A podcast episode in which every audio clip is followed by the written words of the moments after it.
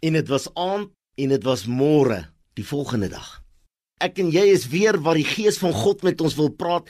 Ek en jy is weer in die teenwoordigheid van 'n lewende God. Onthou jy die wilsbesluit van gister? Ek en jy moet 'n besluit neem. En die eerste besluit wat ons moet neem en die belangrikste besluit wat ons moet neem is God is 'n werklikheid.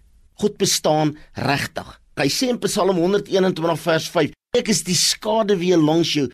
Kom ek sê nou vir jou, ek gee nie om waar jy is in die wêreld nie. Kyk langs jou is 'n skaduwee. Hoe's dit moontlik? God sê ek is die skaduwee langs jou. Die Heilige Gees van God wat ons nooit sal verlaat nie en ons nooit sal teleurstel nie. As jy vermoere stikkend is, as jy vermoere moeg is, as jy vermoere sê ek is so eensaam, ek is so alleen. Die psalmdigter kyk op, hy sê ek slaam my oop na die berge, waar sal my hulp vandaan kom? Hoeveel keer sê ek en jy dit? En dan besef hy, my hulp is van die Here. En dis wat ek wil hê jy moet besef vanmôre. Jou hulp is van die Here. Die Here Jesus Christus, die seun van God, deur die krag van die Heilige Gees.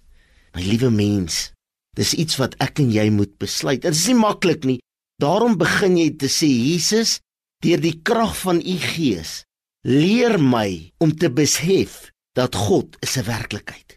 Ek vertel vir die kindertjies by die laerskool, die hoof bel my sê, "Ben, as hulle buitekant speel, dan sien ek hoe kyk hulle waar is die skaduwee. As hulle moet toets skryf, dan kyk hulle en dan vra ek hulle, "Wat maak jy as jy jou handjie so bo kan die lesenaar hou?" Dan sê hy, "Ek kan liewe Jesus se gees sien, die skaduwee." Wil jy nie jou hand so bokant jou tafel sit, so bokant jou kar se stuurwiel sit, so bokant jou lewensmaat sit? Here baie dankie vir die skaduwee.